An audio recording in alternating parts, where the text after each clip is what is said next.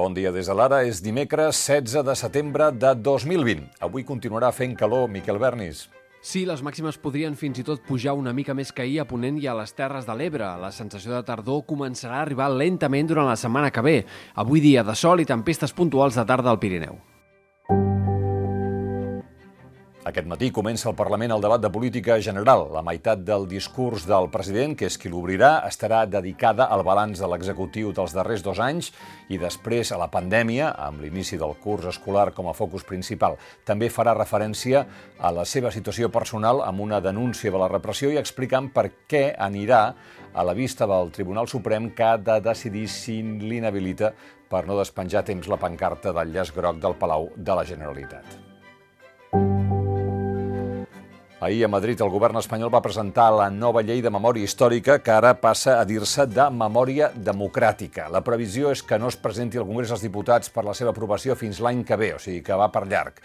En aquestes dues pàgines, la Sílvia Marimón explica els detalls principals. La comunitat del Valle de los Caídos haurà de marxar, el temple es transformaria en una mena de panteó pels dos bàndols de la Guerra Civil, s'obligarà a retirar de l'espai públic qualsevol simbologia franquista i no es permetran actes que exaltin la dictadura. En to solemne en va parlar la vicepresidenta espanyola Calvo. Reconocemos a quienes en este momento todavía están sin identificar en fosas comunes con el enorme sufrimiento que ha provocado durante la dictadura y durante la democracia a sus familias en esa situación absolutamente injusta e impropia de una democracia. Mentrestant, els socialistes votaran en contra del que proposa el seu soci al govern de coalició Unides Podem, que reclama que el CIS torni a preguntar sobre la Casa Reial arran de la fugida de Joan Carles I. El Congrés tombarà la proposició perquè només hi votaran a favor, a favor les forces d'esquerra i les sobiranistes. I ahir a Madrid, la sala penal del Tribunal Suprem va acceptar obrir una causa contra el jutge del Tribunal Constitucional Fernando Valdés del Ré, detingut durant el passat mes eh, d'agost per presumptament haver maltractat la seva esposa. El delicte de lesions comprès eh, preveu un càstig d'entre sis mesos i un any de presó. A internacional, fins ara Israel havia signat acords de pau amb només dos països àrabs, Egipte i Jordània. Doncs bé, ahir, sota l'ombra de Donald Trump i a la Casa Blanca, Israel va establir relacions amb els Emirats Àrabs, un país amb una creixent influència política i militar a la regió, i Bahrein, que té poc pes polític. L'acord té un significat més simbòlic que pràctic perquè ja hi havia relacions de Tel Aviv amb aquests eh, països.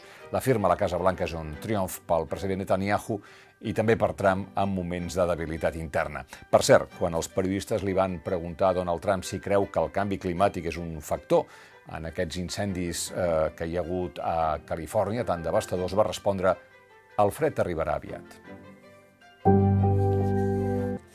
A partir d'avui, les persones que viuen en residències tindran més facilitats per rebre visites i també per sortir del centre. El règim de visites ja no dependrà del risc de rebrot que hi hagi a la zona on hi ha la residència. Si el centre té pocs casos o no en té cap, podrà obrir les portes als familiars, encara que sigui en un municipi amb un alt risc de rebrot. Per deixar de eh, sortir i rebre visites, això sí, les residències hauran d'estar netes de coronavirus o tenir-ne molt pocs casos i aïllats. Mentrestant, la pandèmia l'economia a Catalunya està estabilitzada, però a l'alça. Consellera Vergés. Creiem que la situació encara està encara que està força estabilitzada, està estabilitzada en uns nivells molt més alts dels que ens agradaria doncs, tenir i dels que ens donarien a totes i a tots doncs, més tranquil·litat en les activitats quotidianes. Així doncs, a Barcelona i l'àrea metropolitana es mantindran unes restriccions que se centren sobretot en l'àmbit eh, de l'hostaleria, en què es limitarà al 50% l'aforament de bars i de restaurants, eh, tant a interior de locals com a les terrasses, i s'elimina el consum als taulells. A més a més, a enterraments o casaments es limitaran al 33% de l'aforament. La fiscal general de l'Estat, Dolores Delgado, ha més una instrucció perquè els fiscals de tot Espanya facilitin el desallotjament dels immobles ocupats i sigui més ràpid combatre el fenomen de l'ocupació il·legal. Els fiscals han de sol·licitar als jutges mesures cautelars perquè els propietaris d'un pis ocupat recuperin l'habitatge ràpidament, sempre que estigui perfectament acreditada la propietat i també s'aconsella, abans de demanar el desallotjament, escoltar els ocupants perquè justifiquin la posició de l'immoble i ofereixin la seva versió dels fets. Eh, la fiscal general no fa distinció entre una primera residència i una segona residència o de temporada. En els dos casos es considera que són llar pel propietari si s'hi desenvolupa, fins i tot d'una manera eventual, la vida privada dels seus legítims posseïdors. Exclusiva de l'Ara. Nou mesos després, SEAT tindrà nou president. L'escollit és Wayne Griffiths. Eh, fins ara, el delegat, eh, vicepresident comercial de SEAT i conseller delegat de Cupra, la marca esportiva de la companyia. Griffiths assumirà les regnes de la principal empresa industrial de Catalunya en un moment molt complicat, perquè hi ha hagut anys registrant rècords de beneficis, sí, però les noves tendències del sector, la creixent pressió sancionadora contra les emissions contaminants i els dubtes del holding Volkswagen respecte a la marca catalana han posat SEAT en una situació delicada. Griffiths és anglès d'origen, ha estat sempre vinculat al grup Volkswagen i va treballar SEAT per primera vegada ja fa 29 anys. Més coses que hem sabut en l'àmbit econòmic, aquest cop referides a la fusió CaixaBank-Bànquia.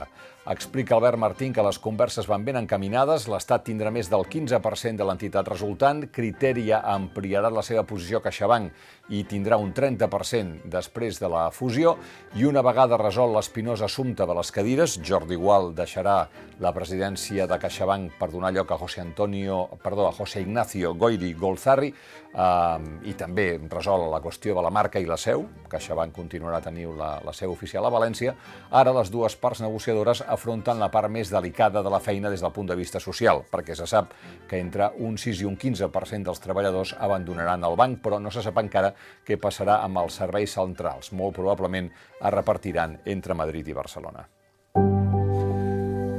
Els esports, el Barça va presentar Miralem Pjanic, eh, és un uh, jugador procedent de la Juventus, mentre que la plataforma de la moció de censura contra la directiva i el president Josep Maria Bartomeu va anunciar ahir al migdia que han superat les 12.700 firmes de socis i queden 24 hores, tot el dia d'avui, eh, per la recollida eh, oficial encara de signatures. Unes firmes que no paren d'arribar, avui encara se'n poden recollit, i això que semblava impossible, que és arribar a les 16.500 firmes necessàries, ara sembla que és possible. I acabem amb una felicitació a l'Andreu Buenafuente, que ha estat reconegut pel Ministeri de Cultura espanyol amb el Premi Nacional de Televisió 2020. El jurat n'ha destacat la seva versàtil trajectòria professional, eh, que inclou eh, la faceta de productor, de còmic, de presentador, també d'actor, i en totes ha sigut, diu el jurat, eh, capaç d'incorporar eh, innovacions per les noves generacions de professionals i destaca també la seva generositat en la formació i direcció d'equips de treball. Felicitats a l'Andreu Buenafuente. Fins aquí les claus del dia. Tornem d'aquí uns minuts amb l'anàlisi de l'actualitat.